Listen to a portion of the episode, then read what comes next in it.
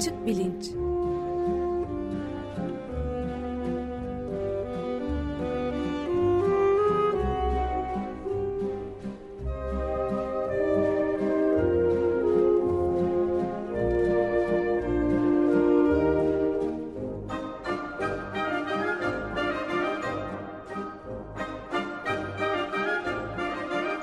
Güven Güzeldere ile bilim ve felsefe sohbetleri.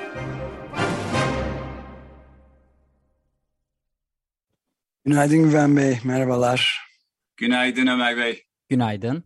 Günaydın Özdeş. Bugün bir mini diziye başlıyoruz galiba. Konuğumuz da Ekmel Ertan. E, tanıtımını ve durumu siz anlatır mısınız lütfen? E, tabii biz e, açık bilinçte bilim ve felsefe sohbetlerinin yanı sıra zaman zaman sanata dair bir şeyler de e, söylemeye çalışıyoruz. Bugün de yine sanat konusunda e, kısa bir serinin ilk programını yapacağız. Temel sorumuz e, öteden beri benim de aklımı kurcalayan bir sorudur. Bu sanat mı? Ya da bu da sanat mı? E, sorusu. Hatta daha vurgulu bir şekilde söylemek istiyorsanız bu da mı sanat e, diye de sormanız mümkün. Bu soru işte öteden beridir değişik e, dönemlerde değişik insanlar tarafından sanat eleştirmenleri de dahil sorulmuş bir soru. E, bugün de e, pek çok değişik e, ortamda bu sorunun sorulduğunu ben duyuyorum. Yani hem işte kavramsal sanat yapan, enstelasyon yapan insanların eserleri için de söyleniyor ama onun dışında da mesela dünyada eserleri çok satan çocuk ressamlar var. E, yaptıkları sanat mı e, diye sorgulanıyor ya da işte Tayland'da bir takım filleri e, eğitmişler. Fil hortumuyla bir fırça tutarak böyle resim benzeri bir şeyler yapıyor. E, veya e, bir bilgisayar programı, e, yapay zeka programı bir şeyler üretiyor. E, bu da sanat mı?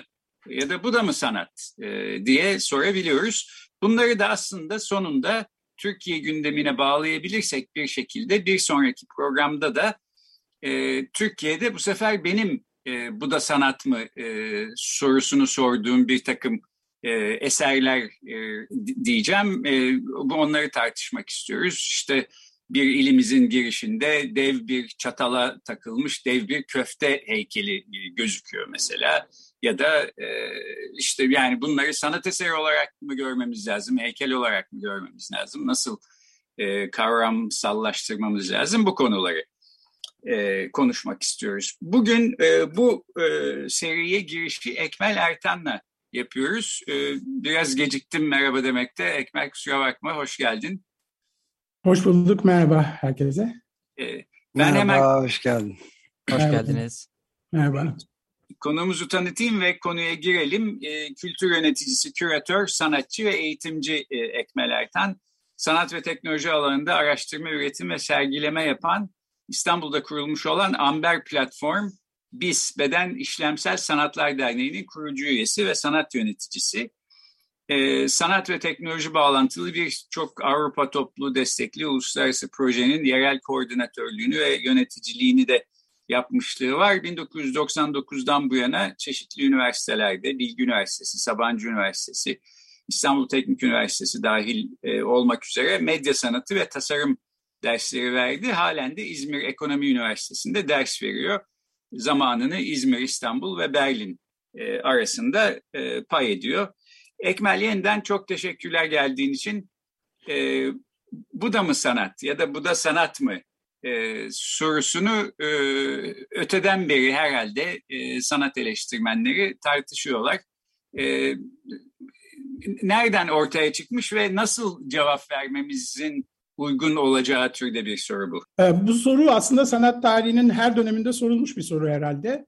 Ee, Ben bu soruya yeni medya sanatı ya da sanat teknoloji ilişkisi perspektifinden bakmaya çalışacağım. Ee, sanat teknoloji, tabii teknoloji derken sanat ve teknoloji her zaman iç içe, sanatın teknikleri ve teknolojisi her zaman var ama bizim sözünü ettiğimiz, e, yani yeni medya sanatı çerçevesinde sözünü ettiğimiz teknoloji aslında elektronik, analog veya dijital teknolojiler. Dolayısıyla 60'larda kadar geri gidiyor. Bu çok önemli olaylardan bir tanesi e, yeni medya sanatı tarihçesi içerisinde. E, New York'ta 1966'da gerçekleşen Nine Evenings e, Theater and Engineering, e, 9 gece tiyatro ve mühendislik başlıklı 9 gece süren 10 performanstan oluşan e, bir bir dizi. Bu Bill Kluver ve Robert Rauschenberg'in beraber organize ettiği ama Bill Kluver'in başını çektiği bir e, program. Bill Kluver ise e, mühendis aslında. E, Robert Rauschenberg ile Bill Kluver'in ilişkisi çerçevesinde bütün bu olay gelişiyor. 10 tane sanatçı, e, dönemin önemli sanatçıları, Oyvind Falstrom, Alexei Deborah Hay, e, Steve Paxton, Leona Ryder, David Tutor, John Cage, Robert Whitman, Lucinda Childs'ın 10 performansından oluşuyor. Şimdi bu dönem için çok ilginç çünkü e, Robert Rauschenberg anlatırken işte normalde bizim bütün bu etkinliklerimizde yani avantgard ya da daha yeni sanat anlamındaki etkinliklerde işte 200 kişiden oluşurdu. Birdenbire bu e, 9 geceyi 10 bin kişi izledi diyor. Ve 10 bin kişinin izlediği bu etkinliğin gazetelere yansıması da işte bu da mı sanat sorusuyla başlıyor. Yani çok beğenen, aa, şahane bulan, çok etkilenen insanlar da var ama bunun ne olduğunu anlamayan, bu da mı sanat ya da bu da sanat mı sorusunu soran büyük bir kitle de var. Çünkü e, performanslarda mesela Robert Rauschenberg'in işi aslında e, iki kişi sahnede tenis oynuyor. Tenis raketine her vurulduğunda e, sahneyi aydınlatan ışıklar sönüyor. Tenis raketlerinin vurma sesi yükseltiliyor falan. Yani bir tür e, evet bir tenis performansı bir birden bir sanat e, performansı haline geliyor bir tenis oyunu. Dolayısıyla bu da mı sanat sorusu ta o zaman orada ortaya çıkıyor. Ama bu sanıyorum bütün avantgard hareketler, avantgard sanat örnekleri bu soruyla zaten karşılaşmak zorunda. Çünkü zaten bir paradigma değişikliği yaratıyor avantgard sanat her döneminde. E bu da kolay olmuyor. Yani var olan paradigmanın değişmesi zaten önce bunun ne olduğunu anlamayı gerektiriyor. Dolayısıyla bu da mı sanat sorusu 60'larda bu işin ta başında var. Sonra 65'lerde Stuttgart'ta ve yine New York'ta algoritmik işler ortaya çıkmaya başlıyor. Yani bilgisayar tarafından üretilmiş resimler ortaya çıkmaya başlıyor. Ee, bunlar Max Benz'in ve Abraham Molz'ün e, etkisiyle gelişen işte dönemin aslında mühendis kökenli sanatçılarının yaptığı işler bunlar da işte bir takım kareler, çizgilerden oluşan bilgisayar tarafından algoritmik olarak üretilen ve dönemin plotterlarında veya printerlarında basılan işte poster boyutunda A3 boyutunda resimler. E yine burada da bu da mı sanat sorusu var. Bu işleri üretenler genellikle mühendisler belli bir merakla yani mühendislik alanının dışına taşan bir merakla bir şeyler yapıyorlar ve bir yere konumlandıramıyorlar. Dolayısıyla yaptıkları iş sanat alanında yer bulmaya başlıyor kendilerine ya da o yeri açıyorlar. Çok daha önce aslında Ben Lapowski osiloskopla elektrik dalgalarını fotoğraflayarak bu işlerin ilk örneklerini yani daha analog örneklerini üretiyor. Ve bunları sergilediğinde de electronic abstractions yani elektronik soyutlamalar diye sergiliyor. Alt başlığı da a new, new approach to design diyor. Yani e, şey sana e, tasarıma yeni bir yaklaşım. Sanat deme cesaretini göstermiyor. Gösteremiyor ya da. Bu hem belki bu sorudan kaçmanın, bu da mı sanat sorusundan kaçmanın bir yolu ya da o sanatın e, büyük camiasıyla çatışmaya girmeden e, kendi eserlerini sergilemenin zoru. Ama sonu yolu. Ama sonunda e, bu eserler tasarım tarihinde değil, sanat tarihinde yer alıyor. Şimdi bu 80'lere geldiğimizde, bu çok başında, 80'lere geldiğimizde yeni medya, bugün yeni medya dediğimiz ya da bir dönem yeni medya sanatı, yeni medya dediğimiz bir alan ortaya çıkıyor. Bu da bilgisayarların yayılmasıyla 80'ler sonrasında. 90'larda 2000'lerde de bu iyice yaygınlaşıyor ve genişliyor bütün e, coğrafyalarda dünya üzerinde. Bu da yine tam da bu dönemlerde artık bir sanat belli bir çevrede en azından sanat olarak kabul görüyor. Yani bunlar tasarım değil, bilgisayar oyunları ya da denemeleri falan değil ama bunun sanat olarak değeri var. Bu dağınık bir grup insan arasında gelişiyor. Ben bu yeni medyanın bu dönemini aslında bir akım olarak görüyorum. Yani 60'ların e, sanat akımları gibi onlardan biraz daha farklı ama onlar gibi bir akım. E, ve onlardan farklı olması da aslında medium'un doğasına uygun olarak dağıtık ve çok merkezli. Yani rhizomik yapıda çok çok çok çok köklü bir şekilde çeşitli coğrafyalara dağılması ama bunların da sürekli olarak bir iletişim içerisinde bir tür akım haline gelmesiyle yeni medya dediğimiz o dönem yaşanıyor. Bu 2000'lerin e, son 2010'lara doğru da bu dönem aslında o şeyini kaybediyor. E, orada yine belli bir çevre yani bir niş oluşturuyor. O niş içerisinde de evet bu bir sanat ama o nişin dışından baktığınızda yani çağdaş sanat ya da güncel sanat perspektifinden baktığınızda pek de sanat olarak görünmüyor bunlar. Hiç güncel sanat dolaşımına girmiyorlar. En azından 2010'lardan sonra son 10 senede artık bu tür işleri, yeni medya işlerini, elektroniği vesaire kullanan işleri e, şeyin içerisinde, güncel, güncel sanatın içerisinde işte karma sergilerde görmeye başlıyoruz. Peki bu işler sanat mı gerçekten? Yani bir kere sanatın neliği zaman ve mekan içerisinde değişiyor. Yani klasik sanatın normlarıyla bakarsanız, yani figür, figüratif resmin ağırlığını, ağırlıklı olarak alanını e, kapsadığı bir klasik sanat perspektifinden bakarsanız e bunlar hakikaten biraz neydi belirsiz şeyler, pek sanat değil. E modernizmle birlikte biraz işler değişmeye başlıyor. Soyut sanat, performans, happeningler vesaire falan sanatın içerisine girmeye başlayınca çerçeve genişliyor. Ve bu da mı sanat dediğimiz şeylerin örnekleri çoğalmaya başlıyor. Ama yine de modernizmin de bir ağırlığı ve koyduğu bir kurallar silsilesi var. Sanatta... Ben bu noktada bir şey sorabilir miyim e, araya girip lütfen? E, yani geçen e, bir hafta kadar önce 2 Ağustos'ta e, galiba hayata veda etti Elka Schumann. E, Bread and Puppet Theater diye bir tiyatro, ekmek ve kukla tiyatrosunu kurmuşlardı. Ve o ta 19 yani benim gençliğime de rastlayan bir dönemde kukla oyunları falan da gerçekleştirdiler. Ekmek ve kukla ve böyle devasa 6 metre varan devasa kuklaların da kullanıldığı işte ama aynı zamanda son derece politik olan yani Vietnam Savaşı'na ilk karşı çıkanlardan biriydi. Ee, ve kendi ekmeğini de üretip mesela sonra galiba Vermont eyaletine gidip orada ekmeklerini de seyircilerle paylaşarak filan yürüttükleri son derece ilginç bir deney vardı. Ee, bunu da e, bu da tam bu da mı sanat sorusunu sorduracak nitelikte bir şey olabilir değil mi? Ee, bilemiyorum ama yani kukla tiyatrosu, tiyatro bağlantısıyla belki sanat alanına daha e, kolay bağlanabilir ya da sanatın e, klasik evet. anlayışına.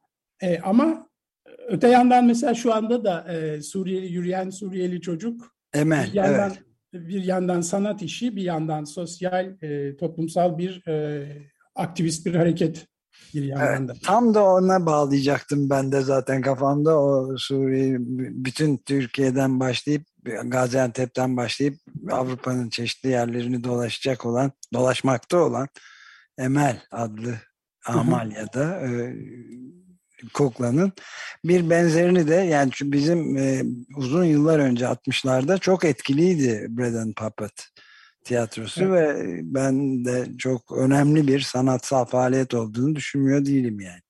Bir de tabii coğrafi şeyler de var. Mesela Latin Amerika'da kukla tiyatrosu, dev boyutlu kuklalar, e, Peru'da falan da çok e, kullanılan sanat alanında kullanılan yani sanat aktivitelerinden bir tanesi. Bu bizde kukla kullanılmaz ama e, Doğu Avrupa'da da kukla vardır. Yani bütün bu hikayeler aslında coğrafyaya ve zamana ve döneme göre de değişiyor. Neyin e, sanat olup olmadığı. Ee, ben işte şey, tam da bu noktada postmodern yani modernizmden postmodernizme doğru kaydıkça da aslında yani bugünlere doğru geldikçe de aslında bu postmodern döneme e, aslında bu soru iyice ayyuka çıkıyor. Yani artık hakikaten neye sanat deyip neye sanat demeyeceğimiz e, çok birdenbire karar verebileceğimiz bir şey değil. Bir yandan da bu yani e, bu, bütün bu büyük e, söylemlerin e, reddiyle beraber aslında sanat deme veya sanat olup olmama kararını verme yetkisini de kaybettik aslında. Ben de şöyle bir şey e, ekleyeyim izninizle. Ben şöyle bir e, e, genel kalıp e, görüyorum. bir e, sanatta e, performatif bir yan e, öne çıkmış bu son yüzyılda en azından. Bu belki kukla tiyatrosu için de söylenebilir. İşte bu senin bahsettiğin tenis maçı gösterileri için de söylenebilir. Ekmel bu bir kere bir fark yaratıyor. Yani ne bileyim işte Rembrandt'ın ya da Monet'in zamanında gidip e, yağlı boya tablolarını bir sergide izlemeye göre çok farklı bir şey böyle bir performans izlemek gibime geliyor. Bir de teknolojinin kullanılması yani işte bilgisayarlar çıkıyor bir takım insanlar bilgisayar çıktılarından sanat eserleri üretiyorlar ya da biyoteknoloji bu sefer başka şeylere neden oluyor filan. Fakat ben şunu sormak istiyorum. Acaba bunların hepsinden bile önce yani içinde performatif bir tarafı olmadan, yeni teknoloji de olmadan bile 20. yüzyılın başında bu hani bu da mı sanat sorusunu e, sordurtan bir, bir takım e, eserler sanki var. Mesela işte Marcel Duchamp'ın e, pisuar eseri değil mi? Bir pisuarı getirip koyuyor adam e, sergilemek üzere. Ne? Evet. E, e, bu da mı sanat ya da bu da sanat mı? Falan e, dedirtmiştir birçok kişiye tahminen. Tabii tabii. E, evet özellikle o tarafa girmek istemedim. Yani yeni medya üzerinden gitmek istedim. E, ama tabii yani işte e, Duchamp'ın yaptığı da tam bir e, paradigma değişikliği aslında. Yani sanatın neliğini sorgulayan çok ciddi bir e, eylem. E, bugün ama bu da mı sanat demiyoruz ona. Onu sanat tarihinde yerini aldı ve evet o, e, o da sanat diyoruz ve bugün bunun örnekleri aslında yayılarak devam ediyor. Yani hakikaten neyin sanat olup neyin sanat olmadığı um, giderek daha sübjektif bir hale geliyor bence. Yani evet. bir yandan da pardon. pardon. Sanatta bir tür norm e, polisliği yani bu sanattır o değildir evet. e, yargılarını e, savunan bir kişi olmak aslında riskli bir şey. Çünkü bugünden yarına neyin sanat olarak kabul edilip neyin edilmeyeceği aslında hiç belli değil ve genellikle bu da mı sanat diyenler herhalde mahcup oluyorlar bir yüzyıl sonra falan. Evet, ben de çok küçük bir ekleme daha yapayım. Bizim e, radyoda da, Açık Radyo'da uzun süre program yapmış olan ve gene dönecek olanlar, Çıplak Ayaklar hı hı. kumpanyası mesela. Onun da performansları çok e, hep böyle bu da mı sanata girer mi girmez mi?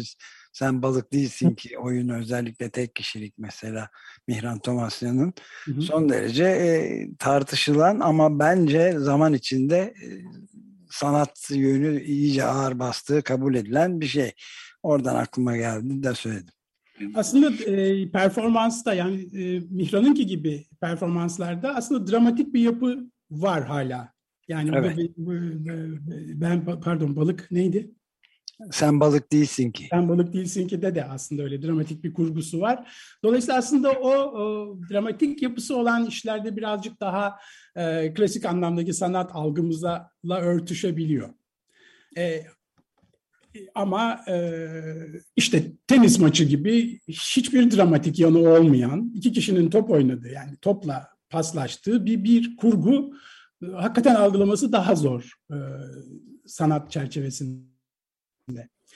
Ama e, Güven'in söylediğinden yola çıkarsak evet yani biz e, bu sanattır sanat değildir polisliği yapmak durumunda değiliz. Yani hiç kimse değil. Dolayısıyla sanatın neliğine bakıyorken herhalde e, birinci e, kabulümüz sanatçının ne söylediği ya da üretenin, yapanın ne söylediği. O e, işte Frederick Nake gibi bu e, bilgisayarla sanat üreten 60'larda insanlar bunları sanat olarak öne sürüyorlar, çıkarıyorlar. Hatta e, o çevre işte sergilerini yapıyor, bu işleri sergilerde bir araya getiriyor falan. Dolayısıyla bir tür sanat alanı içerisinde bu bir niş olsa da yer buluyor bu işler. Dolayısıyla sanat alanına giriyor ama e, yani yaratıcıların kendilerinin dışında hangi söyleme bakacağız? Yani sanat marketinin söylemi ayrı, şirketlere bağlı sanat enstitülerinin söylemi başka, akademiler başka, devletin, hükümetin söylemi başka, bağımsız inisiyatiflerin ki başka.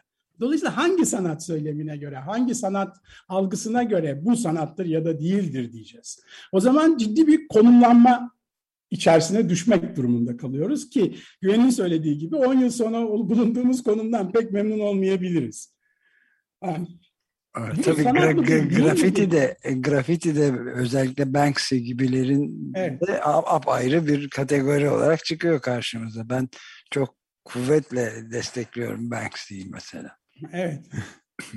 Dolayısıyla bu bütün bu sorular aslında coğrafyadan coğrafyaya, zamana ve güncel koşullara göre sürekli değişiyor. Ee, yani bunun yani yeni teknolojilerin e, ürettiği ya da bir kaynak e, olarak ortaya çıktığı e, sanat akımlarından bahsediyordun. İşte bilgisayar teknolojisi, yapay zeka bunlardan bir tanesi. Biyoloji de galiba bir başkası. Bioart diye bir şey var değil mi? Biyosanat. Hatta bu evet. sanat alanının e, bilimin demokratikleşmesi konusunda da e, ve hatta şehir planlama konusunda da e, ciddi etkileri olduğunu söylüyorsun sen Ertan. Evet. E, yani ben mesela bioartı bu yaklaşımları da yeni medya çerçevesinde algılıyorum. Çünkü bunlara bugün e, yeni medya aslında hala öyle bir terim. Yani bugün e, bizim 80'lerde, 90'larda, 2000'lerin başlarında yeni medya diye kabul ettiğimiz o, o niş alan aslında güncel sanatın içerisine girdikçe yerini kaybetti, varlığını kaybetti, dağıldı, bir tür yok oldu, silindi. Ama e, hala yeni medya terimi kullanılıyor çünkü öyle işler var ki ne dijital sanat terimiyle karşılayabiliyorsunuz ne güncel sanatla karşılayabiliyorsunuz. Yani o belli bir aralıkta, belli bir eleştirel pozisyonda, belli referanslarla hala yeni medya sanatı olarak tanımlamak gerekiyor. Dolayısıyla bu sanatın e, tanımı da yani türleri de ayrıştırmak giderek daha güç ama hala e, yani dijital sanat dediğimiz şey mesela o boşluğu, o alanı olduğu gibi do, e, kapsayamıyor. E, evet art, e, artificial intelligence, yapay zeka var. E, yapay mesela Edmond Bellamy'nin portresi 432.500 dolara 2018'de e, Christie'de açık e, arttırmada satılıyor. Bu Generative Adversarial Network denilen yani GAN diye geçen e, öğrenme, e, makine öğrenimi ile üretilmiş bir e, yapay zeka sanatı diyelim ya da bir sanat eseri ya da bir resim, bir imge, imaj. Bunu Parisli Group Obvious diye bir üç kişilik bir sanat grubu üretiyor ve 14. yüzyıldan 20. yüzyıla kadar yapılmış 15 bin portreden oluşan bir veri setiyle makine makineye yani artificial intelligence'yi besliyorlar, GAN'ı besliyorlar. Ee, ona bu portre estetiğini öğretiyorlar. Sonra makina bu öğrendiği ile kendi portrelerini üretmeye başlıyor. Bu aslında GAN, yani makine öğrenimi, yani artificial intelligence deniyor ama aslında makine, machine learning denilen şey bu. Yani artificial intelligence tam da oturmuyor bence. Machine learning e, de bir dizi e, algoritma aslında e, neural network gibi düzenlenen bir yapı. Siz verdiğiniz örnekleri inceleyerek bir takım parametreler çıkarıyor. Sonra bu parametreleri kullanarak kendi örneklerini üretiyor. Bu GAN iki, iki network'ten oluşan bir şey. Bir tane ikisi de öğreniyor. Bir tanesi üretiyor, bir tanesi olmamış diyor. Dolayısıyla sürekli iyileştiriyor bilgisini. Sonunda da işte bir takım örnekler çıkarıyor. E, bu Edward Edmond Bellamy'nin portresi de böyle üretilmiş bir bir resim. Evet ve aslında yani bu programları yazan, bu machine learning algoritmalarını hazırlayan insanların kendilerinin üretemeyeceği bir şey üretilmiş oluyor değil mi? Dolayısıyla burada bir katkı var. Ee... Ee, evet, tabii var. Ama bu katkı e, Friedrich Nake'nin Friedrich Nake'nin e, 60'larda yaptığı resimlerde de vardı. Yani bir şeyde de var. Mesela Deep Blue Kasparov'u yendi. Çünkü akıllı olduğu için yenmedi saniyede 200 milyon pozisyon hesaplayabildiği için yendi. Ee, yani Kasparov'un yapabileceğini çok önceden görüp doğru adımlar atarak yendi. Yani yoksa orada bir artificial intelligence dediğimiz şey ya da ya insan benzeri bir intelligence'den ziyade hızlı bir algoritma yürütme. Yani bildiğimiz satranç kurallarının dışında bir şey yapmadı. Şimdi machine learning'de iş biraz daha karışık. Çünkü algoritmik kata şeyler katmanlar derinleştikçe ve her biri birbirini etkileyerek e, derinleştikçe nerede hangi aşamada ne çıkacağını bilmek mümkün değil. Sadece e, hakikaten evet bir resim çıkıyor ortaya ama bu ne oldu da böyle bir karar verdi onu bilmek yine işte belki ancak o 200 milyon pozisyonu hesaplamak gibi derin bir hesap gerektirir bizim tarafımızdan anlaşılması onun. Yani sonunda çok da anlaşılmayacak bir şey yok belki. Evet. Ama Peki e, Pardon sözünü kestim. Hani programın da sonuna geliyoruz. Bu aslında çok ilginç bir tartışma. Çünkü Deep Blue'yu e, programlayan programcıların da hiçbirisi Kasparov'u yenecek kadar e, satranç bilgisine sahip değillerdi ya da o kadar iyi satranççı değillerdi. Ama yaptıkları e, işte kurdukları algoritma Kasparov'u yenmeyi başardı filan. Bunlar yapay zekanın tabii temel sorunları. Ee, gelecek haftanın programına bağlamak için son soruyla e, ben programı bitirelim istiyorum. İşte dev bir çatala takılmış dev bir köfte heykeli bir şehre girerken görüyoruz. Ya da kocaman bir karpuz içine de bir bebek oturtmuşlar. Şehrin kapısına koymuşlar filan. Bunları e, yani bu da mı sanat derken böyle şeyleri gördüğümüzde haksızlık mı ediyoruz? Böyle şeyleri nasıl e, sınıflandırmalıyız? Bence bu sorunun cevabını önümüzdeki haftaya bırakalım. e, tamam, peki. E, haklısın yani e, oldu. O zaman e, gelecek hafta bu sorunun cevabını e, arayalım ve bu Arada program... yapay zekaya sorarız. Ya da yapay zekaya soralım. E, bu programı da böylece bitirelim. E, kültür yöneticisi, küratör, sanatçı e, ve eğitimci e, öğretim üyesi Ekmel Ertan e, bugün konuğumuzdu. Bu da mı sanat ya da bu da sanat mı? E, soruları eşliğinde sanatın ne olabileceğini e, tartışmaya çalıştık. Ekmel çok teşekkür ediyoruz. Ben teşekkür ederim. Çok teşekkürler Ekmel. Teşekkür ederim. Görüşmek üzere. Görüşmek üzere.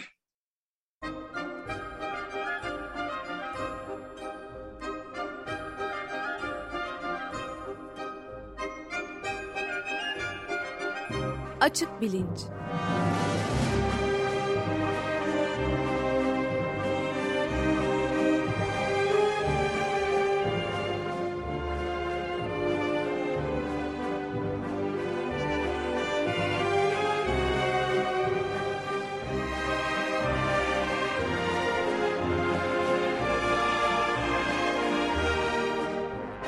Güven Güzeldere ile bilim ve felsefe sohbetleri.